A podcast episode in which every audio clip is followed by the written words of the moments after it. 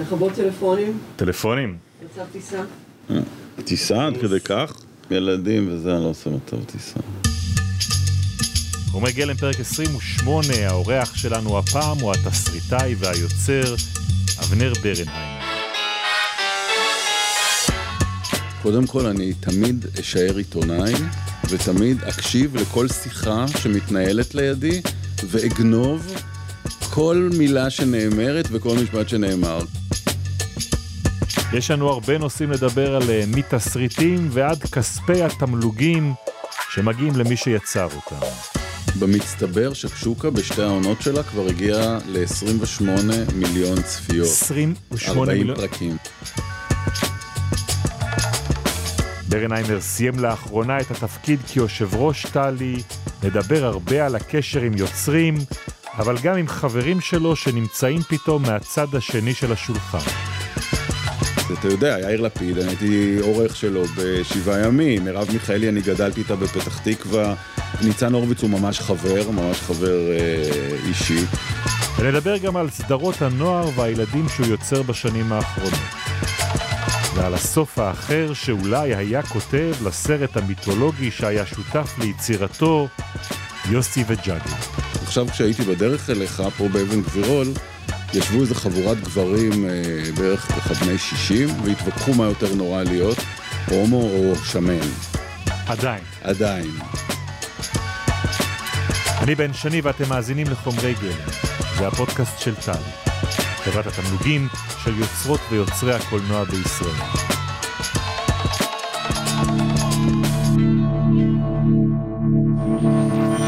חומרי גלם. הפודקאסט של טלי. ביקשתי ממך להביא חפץ. נכון. זה מה שסידרת פה לידך על השולחן? זה מה שסידרתי, הבאתי לגו ופליימוביל. לאחר התלבטות אה, גדולה של חצי בוקר עם אה, תמונה של פרויד שיש לי על המקרר. או, זה היה מעניין, מה פרויד היה אומר על זה?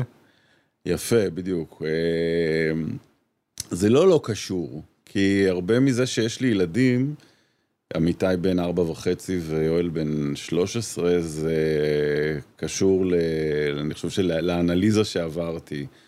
אה, מאוד מאוד פרוידיאנית, אז... אה, באיזה גיל?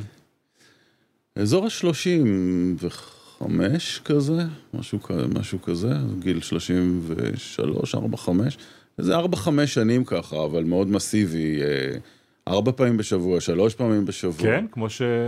לא, לא, ממש. לשכב על הספה ו... לשכב על הספה, הפסיכולוג יושב מאחוריך, אתה לא רואה אותו כל הטיפול, אתה, אתה מחויב לרצפים אסוציאטיביים, אה, כל, לה- להגיד כל מה שעובר לך בראש בכל רגע נתון. איך החוויה? ממש פרוידני קלאסי כזה, אה, חוויה מרתקת קודם כל. אה, אני מאוד אהבתי את זה, אני חושב שזה גם עזר לי הרבה, וגם אה, היה מעניין. אה, חוויה מאוד... אה, אוקיי, זאת חוויה טובה, כי מישהו מחזיק אותך כל הזמן.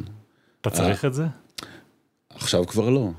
גם אז, לא, תראה, לא הלכתי מתוך איזה מצוקה, הייתי בטיפול של פעם בשבוע, אז הוא אמר לי, תקשיב, תכלס אפשר להפסיק, מבחינתי עשינו את העבודה. אני, אם אתה רוצה להכיר את עצמך טוב יותר, אני יכול להציע לך אנליזה.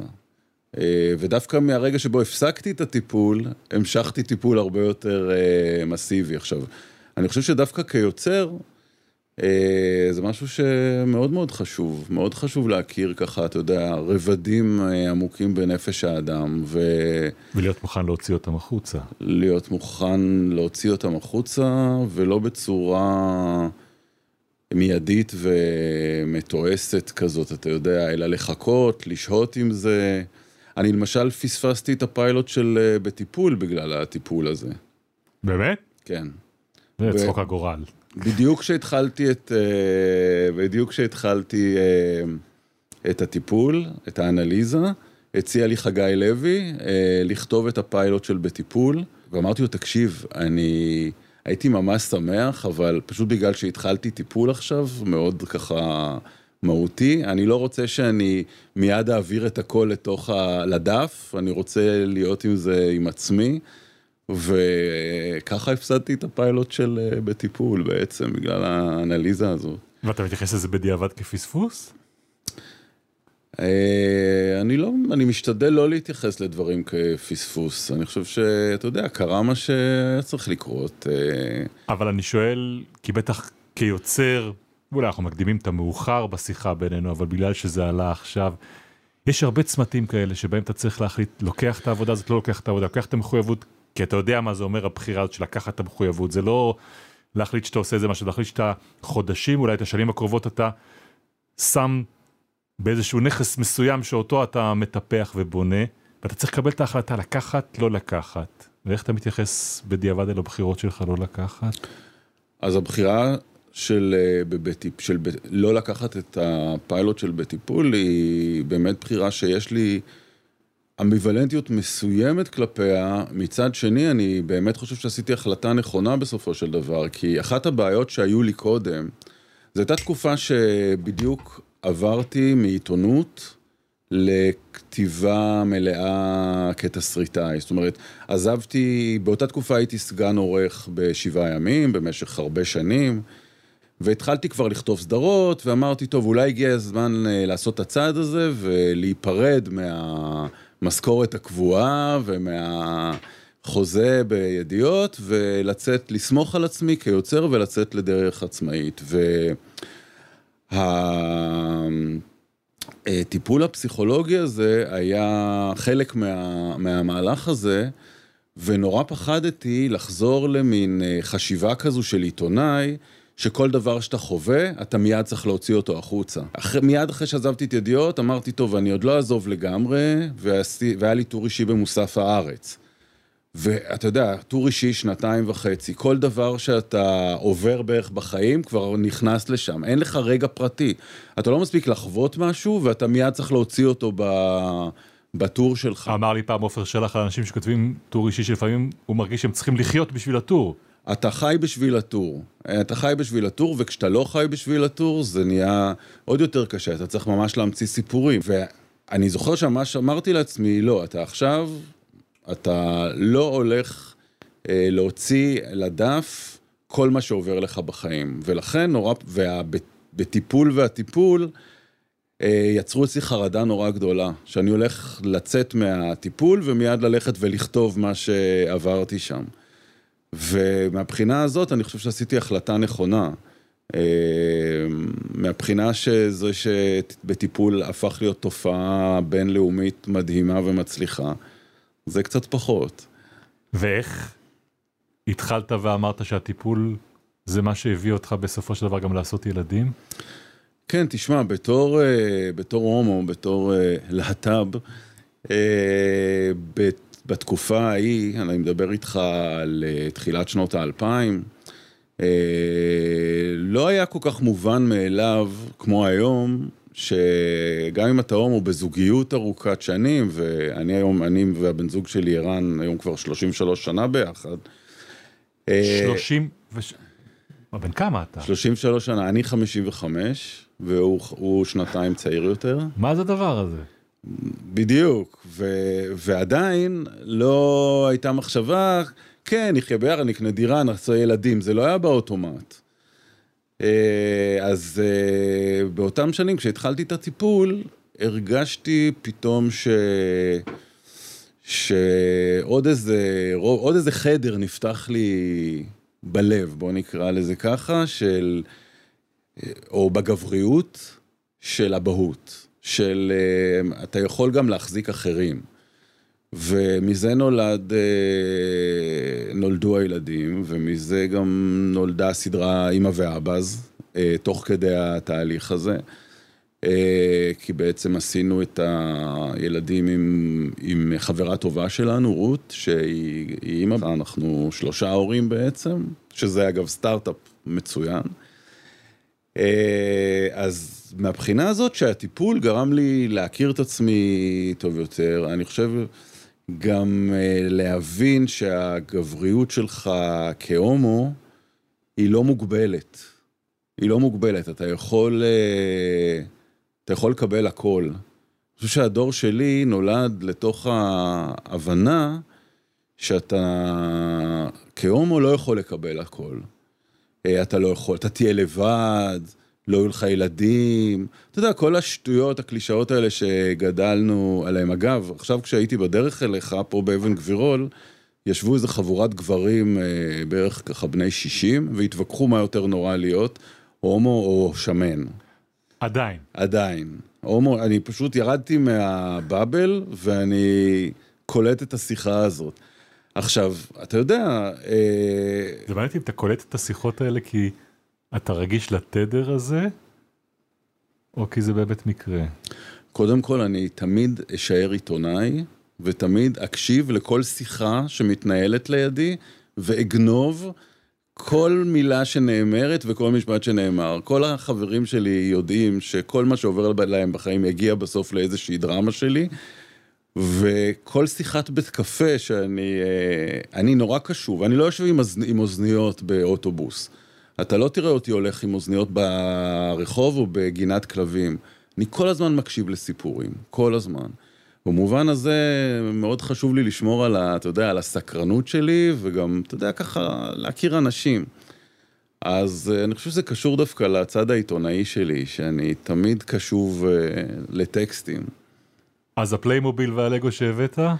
אז הפליימוביל והלגו שהבאתי, אה, אז שוב, שני הילדים, יואל ואמיתי, אה, שאפילו לדעתי הצעצועים עוד נשארו מיואל לאמיתי, וזה גם מאוד קשור למה שאני עושה עכשיו, אה, לשתי הסדרות שכרגע הן באוויר, והן הסדרות החדשות שלי, שזה שקשוקה, שזה סדרה לילדים.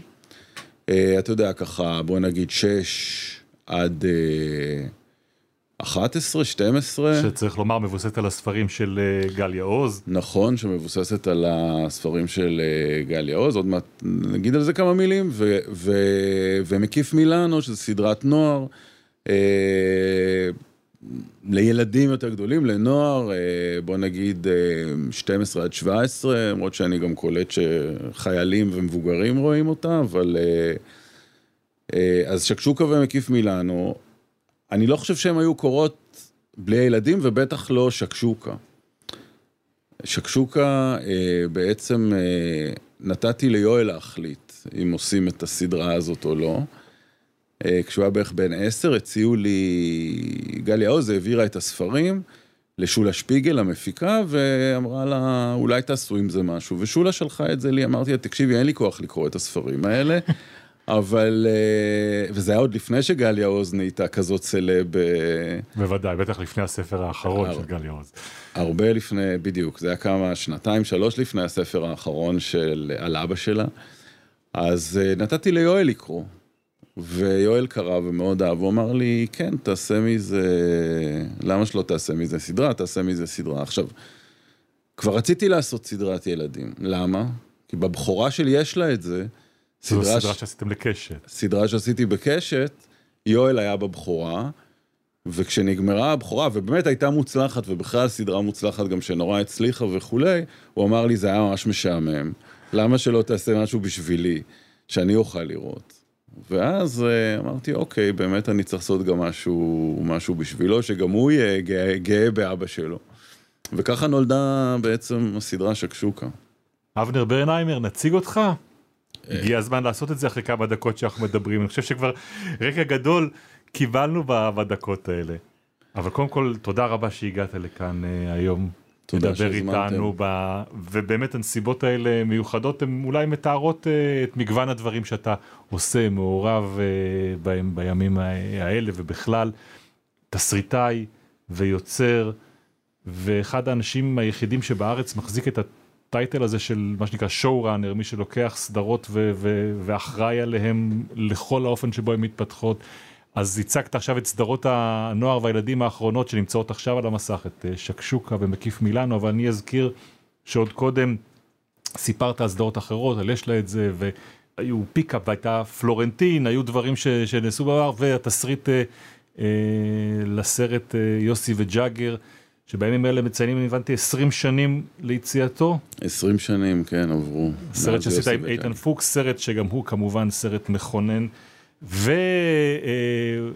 ואולי ביסוד אה, ה- גם השיחה הזאת וגם הימים האלה, העובדה שאתה מסיים עכשיו אה, שלוש שנים כיושב ראש הדירקטוריון של טלי, טלי זאת נכון. חברת התמלוגים של יוצרי הקולנוע והטלוויזיה, טלי זה החברה שאנחנו עושים את הפודקאסט הזה כאן אה, בשמה ומארחים את היוצרים וזו הזדמנות לדבר איתך גם על התפקיד הזה. אתה יודע מה שאולי אני רוצה להתחיל בזה ולשאול אותך על העניין הזה, כי תראה, תיארת את מה שאתה עושה, ואתה ללא ספק בן אדם שעושה הרבה וחייו מלאים בעשייה. מה לעזאזל מביא אותך להחליט שאתה עושה תפקיד כזה? אה, אני חושב שהסיבה העיקרית לעובדה שנהייתי חבר דירקטוריון בטלי ויושב ראש טלי, אה, לפני הכל אה, זה חוסר היכולת שלי להגיד לא. אה, והפעילו עליי מכבש של לחצים, גם רנטל וגם אה, חגי לוי. באותם ימים חגי לוי היה ראש הדירקטוריון של טלי, בעצם אני החלפתי את חגי. ורנטל היה ראש ועדת האיתור של טלי. אתה יודע, הם מאוד מחמיאים לך בדרך שטלי צריכה אנשים כמוך, וטלי צריכה אנשים ש... שהצליחו לפרוץ את גבולות ה... ה... המקצוע. זאת אומרת... מה זה אנשים כמוך? מה אתה יודע להביא לשולחן? אני יודע להביא לשולחן, אה, אם, אם לצטט אותם, אתה יודע, אה, אבל אני יודע, לה, קודם כל, אה, הערכה. זכיתי כבר בהערכה, עשיתי מספיק דברים בחיי כדי שאני אהיה מוערך על ידי אה, יוצרים ויוצרות, ואני אהיה מוערך על ידי אה, אה, גופי השידור. אה, ואני יחסית אה, תסריטאי מוכר גם במקומות בהם צריך, טלי צריכה להשיג בהם השפעה. אה, זאת אומרת, כשהיית, אני יכול להגיע ולהגיד שלום, אה, זה אבנר ברנהיימר ואני רוצה להיפגש עם אה, מנכ"ל משרד התקשורת או מנכ"ל משרד האוצר, אז הדרך יחסית פתוחה. אני אדם שהרבה מחבריו שצמחו בתקשורת, היום הם שרים אה, בממשלה. כן. כן, אני, זה קטע ממש מוזר, אבל היום אני יכול, אני, אני לא היום, אם עד שנשדר את הפודקאסט הזה הם עדיין יהיו שרים, כן? האמת שאני מאמין שכן, מי? אה, אני מקווה שכן, אבל... אה, אני אאמר, בטח מדובר במי? ניצן הורוביץ? ניצן הורוביץ, מרב מיכאלי, אה, יאיר לפיד, אתה יודע, יאיר לפיד, אני הייתי עורך שלו בשבעה ימים, מרב מיכאלי, אני גדלתי איתה בפתח תקווה, ליוויתי אותה גם בתקופת גלי צה"ל, היינו חברים ואנחנו מכרים טובים. אה, ניצן הורוביץ הוא ממש חבר, ממש חבר אה, אישי.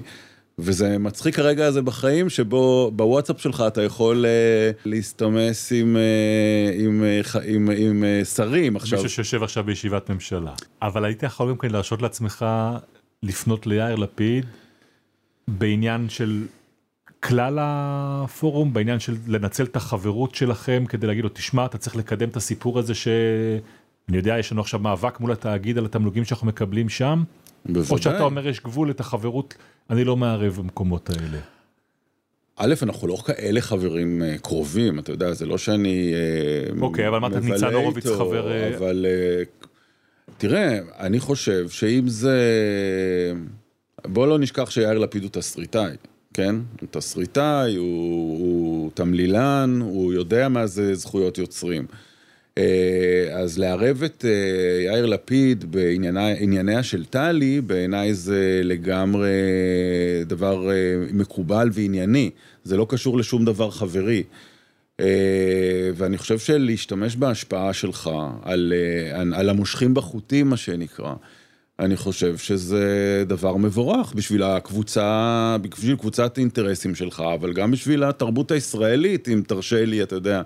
אה, ואנחנו מדברים פה על יצירה מקורית, בסופו של דבר, זה, זה מה שחשוב פה, ואז בוודאי, אני חושב שאחד ה... שאלת למה נהייתי אה, חבר בדירקטוריון טלי ויושב ראש טלי. קודם כל, זה כאב ראש.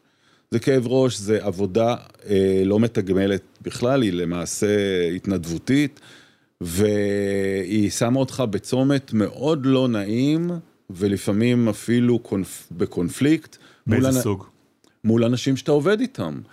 אם למשל אנחנו מחדשים חוזה עם אה, קשת, לצורך העניין, ואני יש לי סדרה בקשת, ועכשיו אה, עורכי הדין שלי אה, בוויכוחים עם עורכי הדין של קשת על הסכום התמלוגים שהם אמורים, אמורים לשלם. וה, והמשא ומתן נקלע למבוי סתום. אתה צריך, ל, ל, אז אתה בתור יושב ראש טלי, אתה צריך אה, להתערב קצת, אתה צריך לדבר, אתה צריך... אה, עכשיו זה לא נוח, זה אנשים שאני עובד מולם, אה, יצירתית. בכובע אחר אתה בא אליהם עם התסריטים שלך ואתה רוצה לשמוע את דעתם על התסריט או שיקחו את הסדרה? שיקחו בכלל, בכובע אחר אתה לא רוצה להסתכסך עם האנשים שאולי יאשרו לך את הסדרה הבאה, או לא יאשרו לך את הסדרה הבאה. ואתה מוצא את עצמך, אגב, אותו דבר עם התאגיד, ששם אנחנו במאבק אה, ארוך על תמלוגים. כי אני יכול להניח שמה שתיארת קודם עם קשת, שיש איזה משא ומתן עסקי שמתנהל במקביל, זה משהו שאנשים... אנשים מבוגרים יודעים לעשות את ההפרדה, להגיד פה מתנהל משא ומתן עסקי ופה זה, אבל... מצד אחד אתה צודק, זה אנשים מבוגרים שיודעים מה זה ויכוח עסקי ומה זה דברים אישיים, אבל אצלנו, ואנחנו מדינה קטנה ו- וכולם מעורבבים, זה נהיה גם אישי. זה נהיה גם אישי, וזה נהיה שיחות ברמה של אתה יודע כמה זה חשוב לי, אתה, אני לא מאמין שאתה עושה לי את זה. אה, שאתה אומר? לא. הם אומרים לך. אומרים לי, אני אף פעם לא אומר כזה דבר. אוקיי. אני אף פעם לא, לא אבוא ולהגיד איך אתה עושה לי את זה, אבל, אה, אבל לא, אומרים לך. איך אתה בא אליי בטענות? אתה יודע כמה אני תומך בתרבות ישראלית. איך אתה מציג אותי כאויב של היוצרים. איך, בדיוק, איך אתה מציג אותי כאויב של היוצרים. אה, וזה טענות שהן קשות לשמוע, קשות לשמוע, וזה בייחוד כשזה בן אדם שיכול להיות ששבוע אחרי זה אתה תבוא לנהל איתו משא ומתן על סדרה שלך. אה, ואני חושב שבגלל זה, אה, זה הופך את התפקיד בטאלין למאוד לא פשוט. זה היו רגעים שהיו לי מאוד... מסובכים רגשית, אני חייב לומר. אה, ואתה צריך אנשים בטלי שיוכלו להחזיק את הקונפליקט הזה, וזה זה לא פשוט. זה לא פשוט, ו, וגם לשים את עצמך הרבה פעמים בצד, ואת האינטרסים הפרטיים שלך הרבה פעמים בצד, זה גם דורש, אה, אה, זה גם חלק מהדברים הנדרשים במעורבות בטלי. אבל חשבתי שתדבר על דבר אחר, על אותה חלוקה של העוגה שבסוף מתקבלת. כי פה הוויכוח כבר בתוך הבית, עם החברים, היוצרים, על מי מקבל איזה אחוז, איזה סוגה מקבלת איזה ניקוד, כדי לקבל את התמלוגים שטלי מחלקת בסוף, אחרי שהיא מנהלת משא ומתן מוצלח ככל שהיא מצליחה עם אותו גוף שידור. נכון, זה, זה, אז דיברנו באמת על הקשיים החיצוניים, ויש באמת uh, קשיים פנימיים. אה, טלי מקבלת, אה, אנחנו בעצם גובים את הכספים מגופי השידור ואנחנו מחלקים אותם ליוצרים על פי אה, פרמטרים שנבנו במהלך השנים וישבו עליהם באמת טובי האנשים וניסו לעשות את הדבר הזה כמה שיותר הוגן לכולם. עדיין תמיד יש אוכלוסיות שמרגישות, פעם זה מרגיש מקופח ופעם ההוא מרגיש מקופח. ואתה בתור אה, דירקטוריון טלי צריך לקחת את ההחלטות האלה. אה, אנחנו מדברים בערך נקודה, למשל. נגיד, אז ערך נקודה של סדרת דרמה שווה קצת פחות מערך נקודה של אה, סרט פיצ'ר. תסביר את המושגים למי שלא מקבל דוחות מטלי ולא מקבל תמלוגים מטלי, כי יש גם כאלה שמקשיבים לנו. אתה לא מקבל uh, תמלוגים מטלי? לא יכול להיות. כן. אתה כן. אני כן, אני חייב לומר, כן, ו- ומאוד uh, נהנה מה- מהפירות של המשא ומתן ש- שטלי עושה. כן. אבל מי שמקשיב לנו ולא מכיר את הדברים האלה, מה, מה הכוונה? הכוונה היא שהחלוקות של הכספים הם לפי ז'אנרים ולפי זמני שידור. אז למשל, פיצ'רים, סרטי קולנוע או סרטים דוקומנטריים, לא משנה, שנעשו לקולנוע, מקבלים את ערך הנקודה הגבוה ביותר. זאת כלומר... אומרת שעל כל שידור של סרט דוקומנטרי או סרט קולנוע, אה, זה יהיה התשלום הכי הגבוה ביותר של תמלוגים אה, עבור יצירה. והרציונל שעומד מאחורי זה הרציונל... אומר מה, מה ההבדל בין סרט קולנוע שמשודר בטלוויזיה לבין סדרה יומית שמשודרת בטלוויזיה, שאני מניח שהערך הוא יותר נמוך. אה, נכון, הערך של סדרת דרמה הוא, הוא יותר נמוך וסדרה יומית הוא קצת פחות גם מזה. אה, רמת הסיכון שהיוצר לוקח למשל, אה, כשהוא עושה סרט feature או סרט, לא משנה דר, דרמטי או, או דוקומנטרי, זמן העשייה הוא ארוך יותר. רמת הסיכון, זאת אומרת, אתה לא משלמים לך על הכתיבה ועל היצירה לאורך זמן. אה, ובסופו של דבר גם יש פחות שידורים. אז אה, אם תבדוק, בסופו של דבר זה לא שיוצרי הפיצ'רים אה, והסרטים הדוקומנטריים, לא משנה, הכי טובים שיש, שמשודרים, שבדוק אביב וכולי, זה לא האנשים שמרוויחים הכי הרבה כסף בטלי, כי היצירות שלהם משודרות פחות פעמים. בסופו של דבר אנחנו מנסים לאזן בין כמות ההשקעה של היוצרים ביצירה לבין כמות הפעמים שהם זוכים לשידורים. אה, ול- ולאנשים האלה למשל לתת להם את ערך הנקודה הכי גבוה שאפשר כדי שהם יוכלו ליהנות מהפירות שלהם שלא משודרות כל כך הרבה כמו למשל אה, סדרה שלי, סדרת דרמה שלי לצורך העניין, או, או סדרה יומית שמשודרת אה, הר- בהרבה הרבה שידורים אה, והרבה שידורים חוזרים גם כן. בסופו של דבר אם תבדוק אה, מי המרוויחים הגדולים ביותר בטלי לצורך העניין, זה באמת לא ה- היוצרים שערך הנקודה של היצירות שלהם הוא הגבוה ביותר. מי היוצרים שמרוויחים הכי הרבה, על איזה סוג של דברים מרוויחים הכי הרבה תמלוגים? לרוב סיטקומים דווקא, שמשודרים, משודרים פשוט, הרבה שידורים קודם חוזרים. כל בפריים טיים, שפריים טיים נותן נקודה גבוהה יותר? פריים טיים נותן אה, נקודה גבוהה יותר, ואחר כך ב- גם בהמון המון שידורים חוזרים. סדרות אה, נוער בעבר אה, היו אה, גם, בגלל כמות השידורים וכמות הפרקים, גם זכו בהרבה תמלוג, היוצרים שלהם גם זכו בהרבה תמלוגים, היום זה כבר השתנה. טלי, אגב, אני כבר לא בטלי, אה, החליפה אותי בתור יושב ראש שירי לידשא, המדהימה, היא נורא נורא שמח שהיא עושה את התפקיד במקומי עכשיו. אני יכול להגיד לך בתור, באמת, מי שהיה שמונה שנים בטלי, שהאנשים שיושבים שם באמת שוברים את הראש ויושבים, והדברים, ההחלטות לא נלקחות בצורה שרירותית. אה, המון המון חשיבה מושקעת בזה, המון ייעוץ. אנחנו לפני שאנחנו מחליטים, אנחנו קוראים לאנשים האלה ומדברים איתם ושואלים אותם על, על, על תהליך היצירה שלהם. ואחרי שאנחנו מקבלים את כל הנתונים, אנחנו חושבים ומגיעים להחלטה, שלפעמים חלק מהאנשים לא, לא מרוצים ממנה, ו, וגם אני, כמו שאני אומר, לא, לא מרוצה מבחינת הכיס האישי שלי, ובגלל זה אמרתי שבתור חבר דירקטוריון טלי אתה צריך לשים את עצמך בצד ולראות את טובת הכלל. דיברנו על טלי, דיברנו על חלוקת התמלוגים ועל... אני חייב להגיד לך שלקראת השיחה בינינו, אני עשיתי בדיקה. קודם כל נכנסתי לראות קצת uh, מהסדרות האלה שדיברת עליהן, על מקיף מילאנו ומשקשוקה. נכנסתי כדי לראות את הסדרות האלה ולהסתכל על מספר הצפיות שיש ביוטיוב לסדרות האלה. ראיתי ששקשוקה זה באזור ה-800 אלף uh, צפיות uh, לפרק.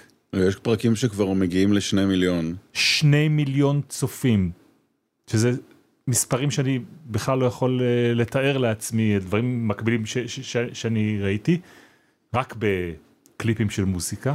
במצטבר שקשוקה בשתי העונות שלה כבר הגיעה ל-28 מיליון צפיות. 28 40 מיליון, פרקים. אני לא, אין לי מושג איך, איך דבר כזה מתבטא בסוף. זה אומר באמת על, על, על, על כמות החדירה של הפרקים האלה, ומקיף מילאנו, שזו סדרה יותר אה, צעירה, הפרקים באזור מה שראיתי, בסביבות ה-400 אלף אה, צפיות לפרק, משהו כזה.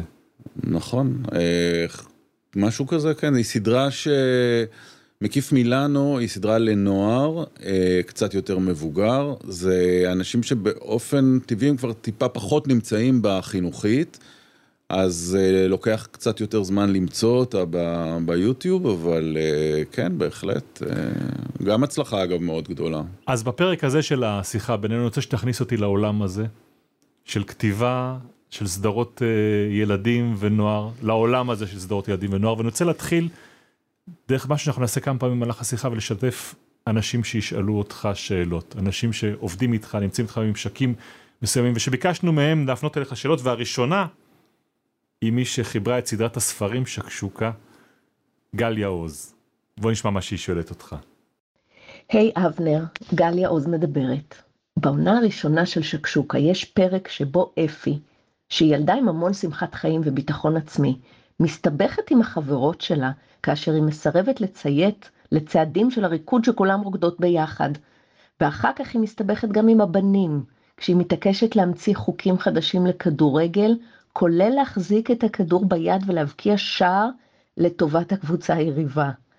היא בודקת את הגבולות שלה, בעצם גם את הגבולות החברתיים וגם המגדריים.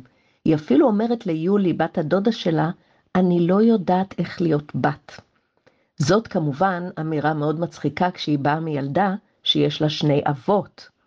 זה פרק מקסים בעיניי, מאיפה בא הרעיון? אני חייב לציין שאת שקשוקה הסדרה אני כותב ביחד עם אסיה לב טוב, אה, שהיא יוצרת אה, ביחד איתי, הייתה סטודנטית שלי בסם שפיגל, שזה גם משהו שאני מאוד אוהב לעשות, זה לקחת סטודנטים מוכשרים שלי ולתת להם את הצ'אנס הראשון בתעשייה ולעבוד איתם. אה, המשחק של אפי,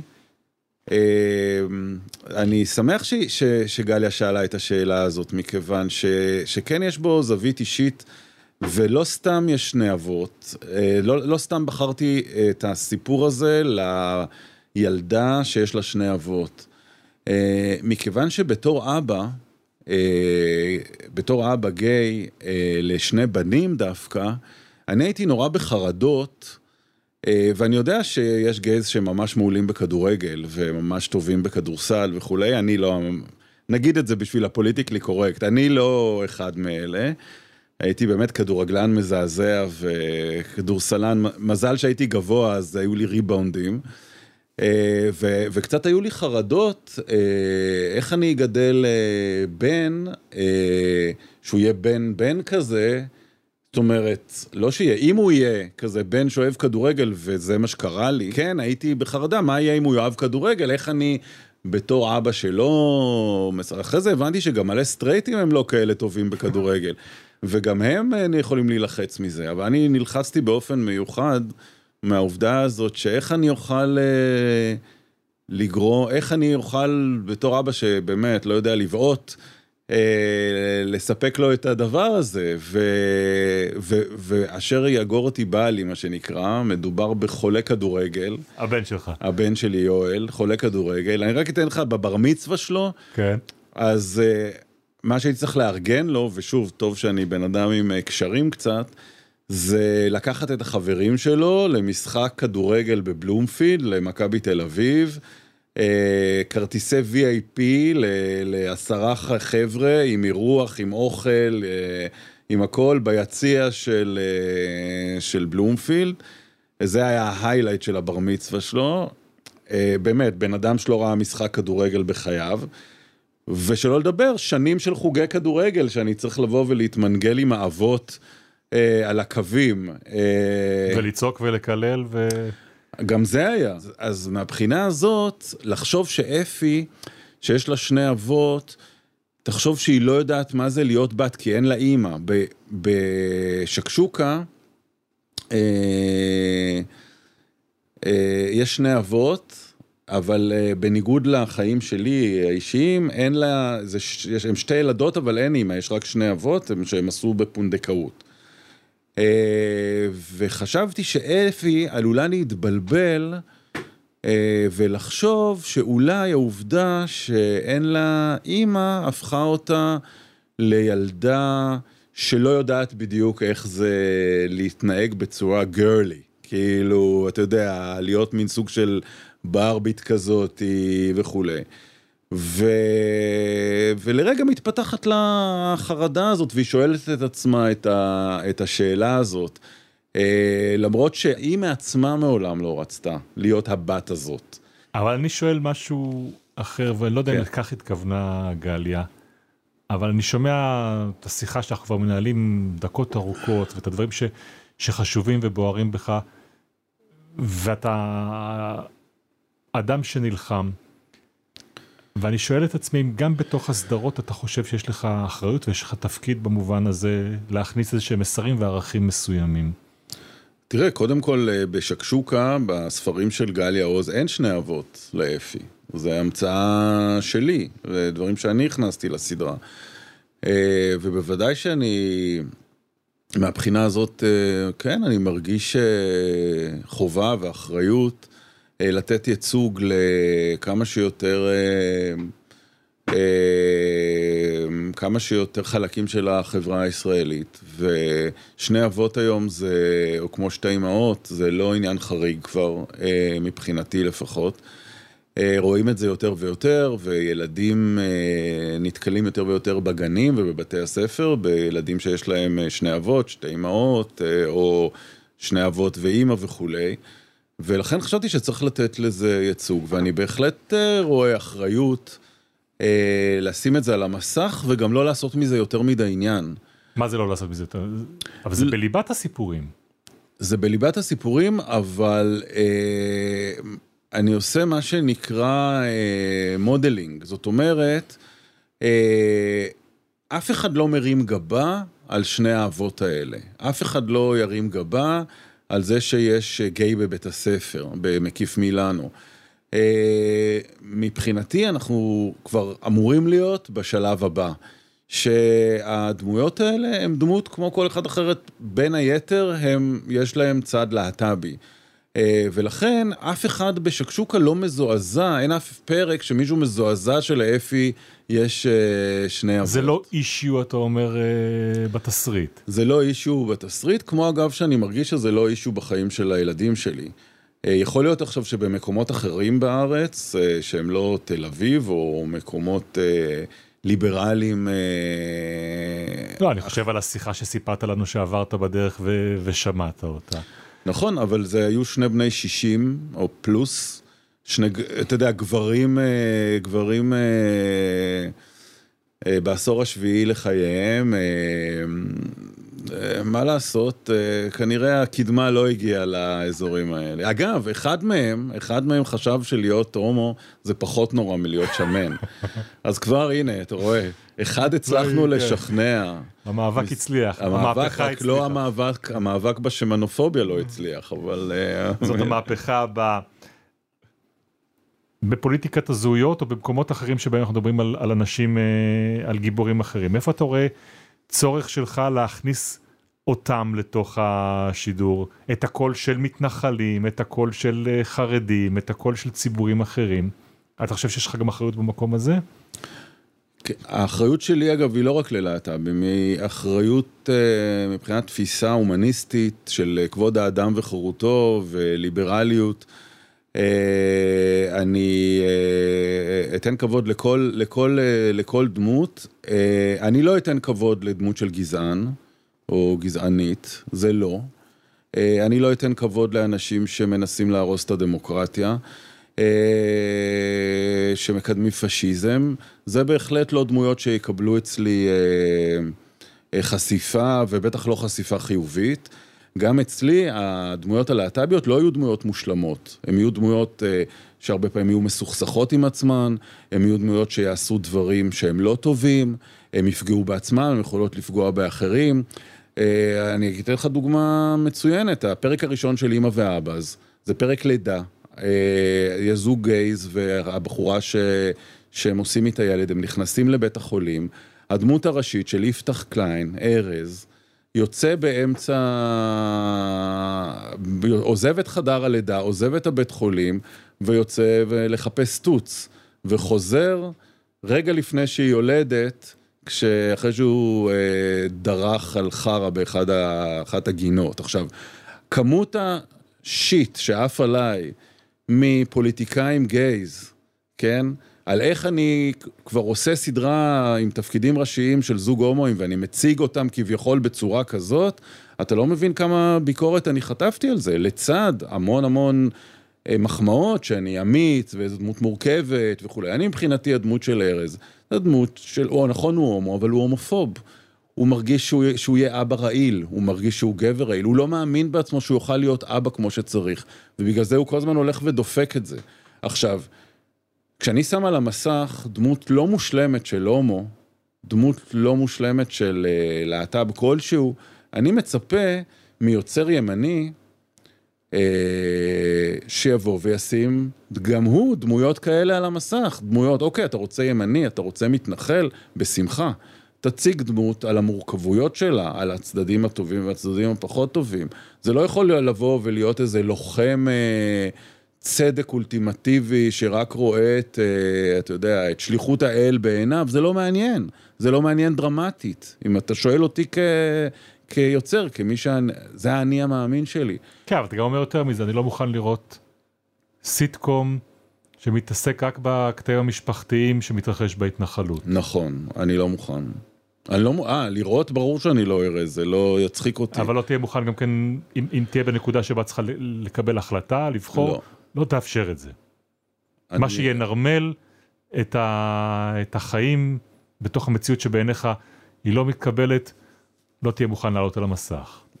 א', אני לא בעמדה של לעלות על המסך או לא לעלות על המסך שום דבר. אני יכול להחליט עם איזה פרויקטים אני משתף פעולה ואיזה אני לא משתף פעולה. ואני לא אשתף פעולה עם איזה קומדיה רומנטית בהתנחלות שמת, ש, ש, שמתעלמת מ, מהסביבה ומהכיבוש וכל מה שקורה שם. אני יכול להגיד לך שאני גם סירבתי להשתתף ב, בפרויקט, למשל, אה, שהוצע לי להיות חלק ממנו. אה, פרויקט של אה, חבורה של אה, כותבים ימניים מאוד ממקור ראשון. אבל השאלה היא, אם זה משקף גם את מה שבסופו של דבר מעניין אותך, ויותר מעניין אותך, וזאת תהיה הביקורת גם כלפי אולי הדור שלנו, כלפי הדור שלנו כיוצרים, יותר מעניין אותנו לעסוק בעצמנו, בחיים שלנו, אה, כל אחד על, על המאפיינים של החיים שלו, אבל רובם ככולם חיים באותו אזור ובאותה סביבה ובאותה אה, תרבות, ולא מסתכלים רחב יותר על מה שהפוליטיקה כן מסתכלת עליו, או כן משתקפת פה במובן ש, שבאמת אנשים בסופו של דבר מצביעים למפלגות שונות כי הם מגיעים ממקומות שונים. תראה, אני, מת, אני חושב שבסדרות שלי אני כן מתעסק בהמון דברים שהם אה, פוליטיים, לאו דווקא בעניינים של אה, ימין ושמאל. פוליטיקה זה לא רק אה, שמאל וימין, פוליטיקה זה גם למשל פוליטיקה של זכויות אנשים. אה, והפוליטיקה של, אה, של יחסים בין המינים, של, אה, אתה יודע, מה שקר... כל ענייני המיטו וכולי, והטרדות מיניות, ו...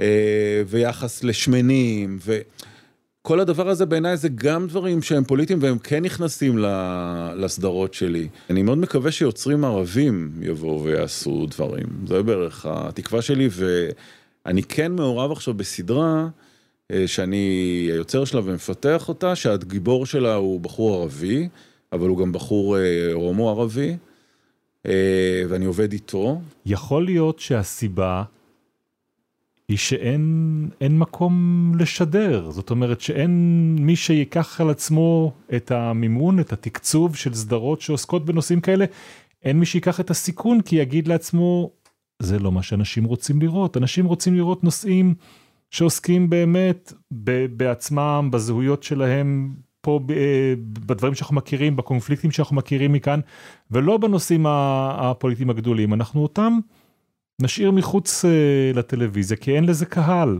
אנשים לא אוהבים לראות את זה, לא נהנים מזה, לא רוצים את זה, זה לא עושה להם כיף לראות את, ה, את הנושא הזה. אני חושב שאתה, אני חושב שאתה לגמרי צודק, אני חושב שזה... בטלוויזיה יש לה מימד של אסקפיזם גם כן, ואתה מסיים את היום שלך, אתה רוצה לבחור מה לראות עכשיו.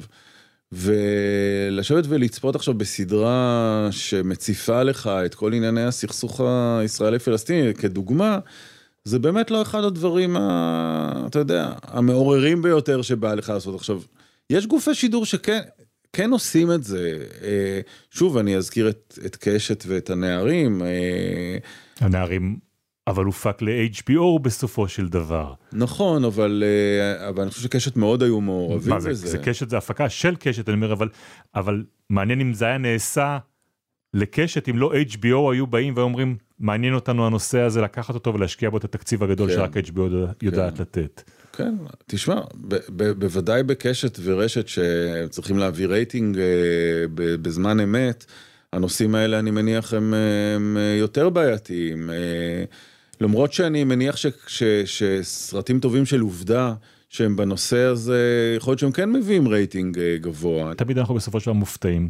Uh, הקהל תמיד uh, מפתיע אותנו בעובדה כשאנחנו עושים איזשהו משהו שאנחנו מרגישים שהשקענו בו וש, ושהבאנו תחקיר אה, אה, אה, שלם אז אנחנו מקבלים גם כן אה, אה, תגמול מבחינת הצופים כן, שבאים זה- ורואים. בדיוק, אז אתה לא יכול לדעת בסוף מה יביא קהל או מה לא יביא קהל. אני חושב שדווקא מקומות כמו אה, הוט או יס, אני לא חושב שזה משהו שהם היו פוסלים. אה, תראה, אני אתן לך דוגמא את פאודה למשל. אה, אני חושב שפאודה, נכון, היא לא סדרה פוליטית בהגדרה, היא סדרת אקשן, היא סדרת מתח ואקשן, אבל כן יש בה את הפוליטיקה של הסכסוך, ואני חושב שזה... וגם הכניסה זווית ראייה אחרת אחרת על העניין של הסכסוך. בדיוק, ואני חושב שההברקה שלהם והדבר המדהים שהם עשו זה להביא את הדמויות הפלסטיניות כדמויות מורכבות, גם אם הן עוסקות בטרור חלקן, אה, עדיין הן דמויות מורכבות ומעניינות, ואני חושב שהנה זה משהו שכן נעשה על הסכסוך והוא נעשה... וגם טהרן עושה את זה. ויפה, והדוגמה השנייה שרציתי להגיד לך זה, זה בתאגיד השידור הישראלי כאן, אה, טהרן, סדרה שעושה את זה עם האיראנים, אני חושב שזה משהו שהוא מאוד מאוד חשוב. אה, להביא את המורכבויות של הצד השני, והנה זה כן נעשה בטלוויזיה. אז אולי זה. היוצרים? אולי זה אנחנו שלא מספיק מאמינים בנושאים אה, האלה וזה לאו דווקא מי שאמור בסופו תקשיב, של זה דבר מאוד לממן? קשה, זה, אני חייב להגיד לך שזה מאוד קשה. אני, אז עכשיו אני כותב את הפיתוח של הסדרה הזאת עם, אה, על אה, בחור ישראלי ממזרח ירושלים, להט"בי, ואת העולם שלו ואת ה, את החיים שלו, ואני מנסה להביא את זה כסדרה מעניינת למסך.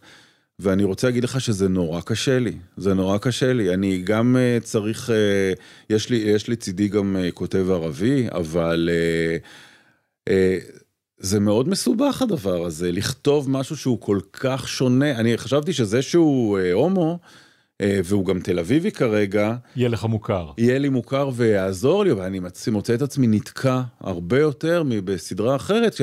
למשל, אני עכשיו בסצנות שהוא מגיע לבקר את המשפחה שלו בכפר במזרח ירושלים. אני לא, אני לא מסוגל לכתוב את זה בכלל, ברמה הזאת, אני לא מסוגל, אני יושב מול הדף. ואני מבין שאני לא יכול לכתוב את זה באמת, אתה יודע. בסופו של דבר אני מוצא את עצמי מתקשר אליו, אה, לנסות להבין מה, בוא, בוא רגע ננסה להבין מה, מה יש שם ואיך איך זה ידובר. זה נורא קשה לכתוב משהו שהוא כל כך, אה, כל כך שונה ממך. אני לא חושב ש, שפאודה לא קרתה במקרה. זה אנשים שמאוד מבינים את התרבות ה... בטח אבי התעסקו- שמגיע. משם וליאור רז מגיע רקע אם אני לא טועה רקע צבאי נכון. שמביא אותו לסיפור הזה. כן? זה מביא אותי לשואלת הבאה.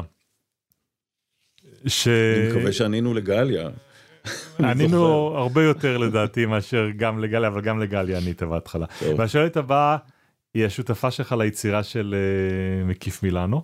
דפנה? כן, דפנה לוסטיג. והנה השאלה שהיא שולחת אליך. היי אבנר, מה נשמע? זו דפנה. איזה כיף שאתה בפודקאסט המעולה של טלי, ואיזה כיף להם שאתה באת, תמיד יש לך דברים מצחיקים וחכמים ומרגשים להגיד. מרגש לנו שעלה מקיף מילאנו 3. אני זכיתי לכתוב איתך את מקיף מילאנו, לשמחתי ולמזלי, וככה גיליתי עליך שבכל עלילה שלנו יש משהו ממך. אתה יוצק את החוויות האישיות שלך לכל דמות ולכל מהלך, ואנחנו תמיד בסוף מדברים המון על דברים שקרו לנו וחוויות, ויצא לנו במהלך הכתיבה לחלוק המון המון המון דברים אישיים. וככה נוצרה בינינו אינטימיות, וגם נוצרה בין הדמויות שלנו אינטימיות, זאת אומרת, הצלחנו לכתוב אינטימיות. ואני תוהה סביב כל זה, אם יש איזושהי דמות שלך, שדווקא היית בוחר לכתוב לה סוף אחר. אז אם כן, איזו דמות זאת, ואיזה סוף היית בוחר לה? וזהו, ומתגעגעת. תעשה לי זמן uh, לקפה. נשיקות, ביי. חמודה דפנה, אני מת עליה. היא אגב גם הייתה סטודנטית שלי וככה הכרנו קצת קודם אבל אה, אבל התחברנו הרבה יותר אחרי, ה... אחרי הסדנה שהיא עשתה איתי. אה, לא הבנתי רק אם מתכוונת לדמויות במקיף מילאנו או בכלל דמויות. אני ארחיב את זה לבכלל דמויות נראה לי יותר מעניין. זהו כי גם במילאנו עוד לא הבאנו אותם לסוף אה, כלשהו אה, אה, ברור לפחות. אה, אבל יש איזה דמות ככה איקונית שיצרת שהיית כותב לה סוף אחר. אני, זה ידרוש רגע חשיבה, כי זו באמת שאלה שצריך להתכונן אליה. אני יכול להציע? מראש, כן. יש לי אסוציאציה מיידית, אבל... מה היא? כן. ג'אגר. זה מה שרציתי לשאול אותך. זה מה שרציתי לשאול אותך. אה, תזכיר. מי. שעוד לא ראה את אה, יוסי וג'אגר, אה, יש דורות חדשים שעכשיו נחשפים. כל יום זיכרון הסרט עולה, ואני אומר, איזה כיף. אה, בני אה, 20 חדשים יכלו לי עכשיו לראות. אה, רק נזכיר את הרקע. סיפור אהבה בין שני חיילים. על רקע... מלחמת לבנון. מלחמת לבנון. יוסי וג'אגר בעצם זה שני קצינים אה, במוצב בלבנון. אה, אוהד קנולר הוא המ"פ ויהודה לוי הוא המ"מ. ויש שם חבורת אה, לוחמים במוצב בלבנון, וזה מספר על כמה ימים בחייהם. אה, יוסי הוא וג'אגר הם זוג, אבל הם זוג בארון, אף אחד לא... אף אחד לא יודע ששני המאצ'ואים האלה הם למעשה הומואים, ושיש ביניהם. קשר. אף אחד לא יודע, הם מסתירים את זה, אה, הדמות של יהודה לוי, ג'אגר, היא יוצא, רוצה יותר להוציא את זה יותר החוצה. מוחצן גם. כן, והדמות של אה, קנולר, אה, יוסי, הוא רוצה לשמור את זה בסוד, הוא פחות מרגיש בנוח עם, ה, עם הסיפור. אנחנו מדברים גם על לפני 20 שנה, אבל גם היום אנחנו יכולים להבין, ברקע כל הזמן זה המחיר שישלמו, ישלם הזוג הזה אם הוא יצא מהארון, בדיוק במיוחד במערכת, בסביבה שבה הוא נמצא, בסביבה הצבאית הכל כך גברית, אה, מצ'ואיסטית הזו. בדיוק, זה בוודאי כמו שאתה אומר לפני 20 שנה ועוד במוצב בלבנון וכולי וגם היום אני באמת לא בטוח שזוג קצינים אה, קרביים יצא מהארון כל כך, ב, כל כך במהירות אה, מול החברים שלהם, מול החיילים שלהם. אבל כן, זה הקונפליקט העיקרי שם. אה, ומותר לעשות ספוילר לסרט שיצא כן, כבר לפני נראה 20 לי, הוא שנה. יצא כבר לפני 20 שנה, אז אני, ואני מניח שמי ששומע את הפודקאסט הזה גם אמור לדעת. אה, בסוף הסרט אה, ג'אגר מת בסוג של אירוע, אה, אירוע במלחמה בעצם. הם באמת יש, בעצם מוצאים שהם ישבו על מטען במערב כל הלילה, ו... והוא, אה, המטען מתפוצץ וג'אגר אה, נהרג, ובסופו של דבר אה, מוצא את עצמו יוסי אה, אלמן מלחמה סודי, בעצם אף אחד לא יודע שהוא אלמן מלחמה, ויותר נורא מזה, אה, יש שם גם בחורה שלוקחת את הקרדיט של האלמנות, כי מגיעה לשבעה, פתאום משום מקום מגיעה בת זוג. היא מגיעה, ג'אגר. בדיוק, מגיעה בת זוג של ג'אגר כביכול, ואומרת שהיא אהבה אותו, מה שנכון, וחושבת שהיא חושבת שהוא אהב אותה, ו, ופתאום כל העיניים מופנים אליה בתור ה... מה שישלים לסביבה את התמונה ההירואית של החייל שנפל והשאיר מאחוריו אהובה ולא האהוב. שיושב שם בחדר ולא. יכול לבטא את, ה, את הכאב שלו בפומבי. נכון, the perfect picture של אה, השכול הישראלי. כן. אה, ומה שעבד כל כך בסרט בסופו של דבר זה הקהל שיושב מול התמונה הכל כך אפקטיבית הזאת של הבן זוג האמיתי, האלמן השכול, מול הפייק תמונה הזאת של השכול הישראלי, והקהל באולם יושב ואומר לא, לא, זה לא, זה, תגיד, תגיד, תעשה עם זה משהו, זה לא יכול להיות. ופה באמת ההזדהות הכל כך גדולה שהסרט קיבל גם בסופו של דבר. כי אני חושב שזו הייתה תמונה שנורא הבהירה את, ה... את התמונה המעוותת בחברה הישראלית כלפי הלהט"בים והיחס אליהם. עכשיו, שעל... הייתה, אגב, שוב, דיברנו על דמויות מורכבות ועל דמויות שנויות במחלוקת ועל סיפורים שנויים במחלוקת. גם על הסיפור הזה הייתה ביקורת, למה ג'אגר מת בסוף? למה ה... כן, הייתה, לא מעט. למה הרגתם לנו ההומו- את הגיבור? כן. למה ההומו צריך למות בסוף? למה הם לא, למה לא יכולת לעשות they live happily ever after? אוקיי. אה, מצד מי הביקורת?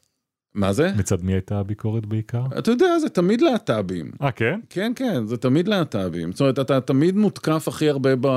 במקום הקרוב אליך. במקום הקרוב אליך. אה, תקשיב, באמא ואבאז למשל, אז חטפתי ככה. אה, כל הקווירים למיניהם חשבו שזה נפלא, כי בעצם פירקתי את התא המשפחתי הסטנדרטי של זוג, ועשיתי תא משפחתי של שלישייה, אז הם עפו על זה. כל האקדמאים וזה עפו על זה. כל הפוליטיקאים של ה... זה אמרו, בעצם מה אתה אומר שזוג הומואים לא יכול להביא לבד אה, ילד, כאילו הם צריכים אישה. וגם התחיל כל גל הפונדקאות, אז מה אתה אומר שהומואים לבד, גברים לבד לא יכולים להיות הורים טובים, אז הם צריכים אישה, אז חטפתי על זה. זאת אומרת, אין, אתה, אתה אף אתה פעם לא יכול לרצות את כל אתה ה... לא יכול לרצות את כולם, וגם לא צריך. אני חייב, בדיוק אמרתי את זה השבוע לאיזה... אה, בתאגיד, באיזה שיחה, אם אתם לא שנויים במחלוקת במשהו, לא עשיתם עבודה טובה, זה לא מעניין. אם כולם אוהבים, כולם מרוצים, טעיתם. טעיתם, לא יצרתם שום קונפליקט, לא יצרתם, לא יצרתם אי נוחות. אני אוהב שתמיד יש אנשים שיושבים באיזה אי נוחות על הספה, בסופו של דבר. מהמם. אה, עכשיו, האם ג'אגר יכול היה לא למות? אה, התשובה היא לא, כי הסרט התחיל, הרעיון לסרט התחיל מסיפור אמיתי שאני שמעתי, שהוא בדיוק התמונה הזאת של הסוף, שבן אדם לוחם בלבנון אה, עם בן זוג, אה, מת לו הבן זוג בידיים, והוא נשאר להמשיך להילחם, הגיע לצידון, קרבות איומים, והגופה נשלחה חזרה הביתה, וכל השבעה והקבורה וזה, והכל נעשה בלעדיו. עשר שנים אחר כך הוא לא סיפר עוד לאף אחד שהוא איבד את הבן זוג שלו במלחמה. מה שאתה יודע גרם ללא מעט עניינים אה, פסיכולוגיים ושהאיש הזה נאלץ להתמודד איתם בעקבות הדבר הזה. ככה שהסרט התחיל מהנקודה הזאת, לא יכולתי להפוך את, לגרום לג'אגר אה, לחיות. מצד שני, אה, בוודאי שבפנטזיה שלי ובוודאי ב... אתה יודע, אהבתי הגדולה לרומנטיקה ולדרמות רומנטיות, הייתי רוצה לראות סוף טוב, אה, סוף טוב לסיפור הזה. אבל הסוף הטוב הזה לא יכול היה להיות, ו, וגם אני חושב שאם היינו עושים את זה, זה היה נהיה קיץ', ו, וזה היה צריך להסתיים אה, כמו שזה הסתיים. יוסי וג'אגר בהורות משותפת מגדלים ילד בתל אביב 2020 שהולכת מקיף מילאנו זה יכול להיות אה, תשמע, היה, היה מבחינתי, זה שיהודה לוי כן שיחק את אחד האבות באימא ואבאז, היה סוג של מעגל. סגירת מעגל ליוסי וג'אגר. הוא היה כל כך דמות מזוהה עם ג'אגר, ומבחינתי לתת לו חיים חדשים בתור אבא, בתור הורה, אה, גיי, אה, עשה את ה... בסופו של דבר עשה את הסגירה הזאת. במובן הזה, נתתי לו סוף חדש, אני חושב, לג'אגר, למרות שזה לא ג'אגר וזה סמי. אה, גם שם אגב, אה, שהוא כזה... ג'אגר. moves like Jagger. אבנר ברנהיימר אה, כיף לדבר איתך אבל אנחנו כבר מגיעים לסוף ובסוף אנחנו תמיד שואלים שתי שאלות. אז הראשונה היא אם היית עכשיו עומד מול כיתה ואני מתאר לעצמי שזה משהו מול שאתה כיתת עושה. יורים. כן. היית נמצא עכשיו במקום שבו היית נותן עצה, לא מול כיתה, למישהו שנמצא בתחילת הדרך. ותבחר אתה אם זה מישהו או מישהי או, או מי, אבל איזושהי עצה, איזשהו משהו שהיית יכול לעזור למישהו, לקצר למישהו תהליך, לתת לו טיפ, משהו שילווה אותו במסע שאתה כבר עושה הרבה שנים אה, אה, בתעשייה הזאת, מה זה היה? מה היית אומר? אני דווקא יש לי משהו מאוד ברור אה, להגיד. קודם כל תקשיב לאחרים, תקשיב להערות, ש... תקשיב, תקשיבי להערות שנותנים ולדעות של אחרים אה, בכובד ראש. אה, אל תהיה מלא ונפוח מעצמך ותחשוב שהשמש זורחת לך מהתחת, אבל בסופו של דבר, אה, תיקח את כל ההערות שקיבלת, אל תשכח את הלב שבגללו נכנסת והתחלת ליצור את הפרויקט הזה, ותעשה בסופו של דבר את מה שאתה מאמין בו. ואני, אחד הדברים שאני למדתי בדבר הזה, זה ליפול על הטעויות שלך ולא על טעויות של אחרים. אה, ליפול בגלל שלקחת... החלטה שאתה אחראי לה. שהחלטה שאתה אחראי לה, אה, זה דבר שאני יכול לחיות איתו. אה, ליפול בגלל שהיית אה, גמיש מדי, אה, והקשבת יותר מדי, למרות שידעת שעמוק בלב שזו טעות, זה תסכול אה, הרבה זמן אחר כך. אז שאלה באמת אחרונה. כן. עכשיו, אם היית יכול לחזור אל עצמך, לבחור רגע, שאתה חוזר אליו כדי להגיד לך משהו, לאן היית חוזר ומה היית אומר? הייתי חוזר לאבנר של, אה, בוא נגיד, גילאי ה-20 המוקדמים, ואומר, תאמין בעצמך יותר. זה מה שהייתי אומר לעצמי. אני חושב שלקח לי זמן, משהו כמו עשר שנים, להבין שאני... שיש בי את היכולות האלה אה, להיות אה, יוצר, עצמאי, לעשות את ה... להביא את הסיפורים שלי אה, למסך. לקח לי זמן להאמין בזה, יכול להיות שהייתי צריך את הזמן הזה כדי להתבשל ו... ולה... ולהצליח, כמו שקרה בסופו של דבר לשמחתי. אבל uh, אני חושב שהייתי מאוד הססן בשנים האלה uh, לגבי עצמי והכישרון שלי והיכולות שלי. חלק מהסיבה אגב שלא גדלתי ב... אתה יודע, גדלתי בפתח תקווה, uh, שיכון כזה רכבת, לא קשור איכשהו לעולם התרבות והאומנות בישראל וכולי. הגעתי לתל אביב בלי להכיר אף אחד. ו... אמ, אני חושב שהייתה לי איזה בעיה מסוימת של ביטחון עצמי. אה, אתה יודע, גם לא הייתי כזה שווה המון באותם ימים, בו הייתי בסדר, אבל יכול להיות ששוב, אני אומר, הייתי צריך את הזמן הזה, אבל אני חושב שמאוד מאוד אה, לקח זמן עד שאמרתי לעצמי, אבנר, אתה יכול, אתה יכול לעשות את ה... את הדברים האלה, ואני זוכר הרבה פעמים כעיתונאי אגב, שגם אני נורא אהבתי להיות עיתונאי ולשמוע סיפורים, והייתי תמיד במוספים ועושה כתבות גדולות ענקיות כאלה וזה, אבל היה איזה שלב שאמרתי, בואנה, אתה לא פחות מעניין מהאנשים האלה. מהאנשים כאילו, שעליהם אתה עושה את. מהאנשים שעליהם אתה עושה כתבות. אוקיי. אתה יכול uh, לספר סיפורים ולהגיד דברים, זאת אומרת, אה, ואת, ואתה יכול להיות הסיפור. אתה יכול להיות הסיפור לצורך העניין, אז, אז בוא נגיד ככה, יכול להיות שאולי הייתי יכול... אגב, היום גם אני לא שם את עצמי אף פעם במרכז הסיפור. אתה לא, אני, אני אוהב להישאר מאחורי הקלעים במובן מסוים, אבל, ה, אבל כן, אתה יודע מה, זה בדיוק כזה, שגם אתה יכול להיות הסיפור, או גם הסיפור שלך, חשוב. הוא, הוא סיפור שיכול להישמע, כן. ו... מעניין אותי, כי, כי זה מה ש... ורציתי לשאול אותך את זה בהתחלה ויפה שאנחנו מסיימים עם זה. זה מה שהביא אותך לעשות את השינוי באמת מ- מלהיות עיתונאי ללהיות uh, יוצר? ההבנה שאתה רוצה לעסוק בסיפורים שהם מנפשך, שהם שלך, לא עוד סיפורים של אחרים?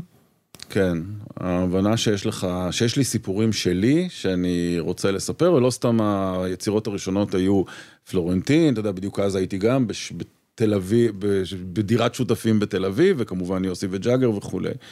אה, אבל כן, כן, ובשביל זה הייתי צריך אה, להאמין בעצמי, להגיע למקום הזה. התחלנו גם עם הטיפול, אז אתה יודע, להאמין בעצמי שאני... יש בי את, ה... את הסיפורים האלה שאני יכול לספר ושאולי הם יעניינו אנשים גם. אבנר ברנהיימר, תודה רבה רבה לך על השיחה הזאת. תודה, היה כיף. גם לנו. תודה, תודה.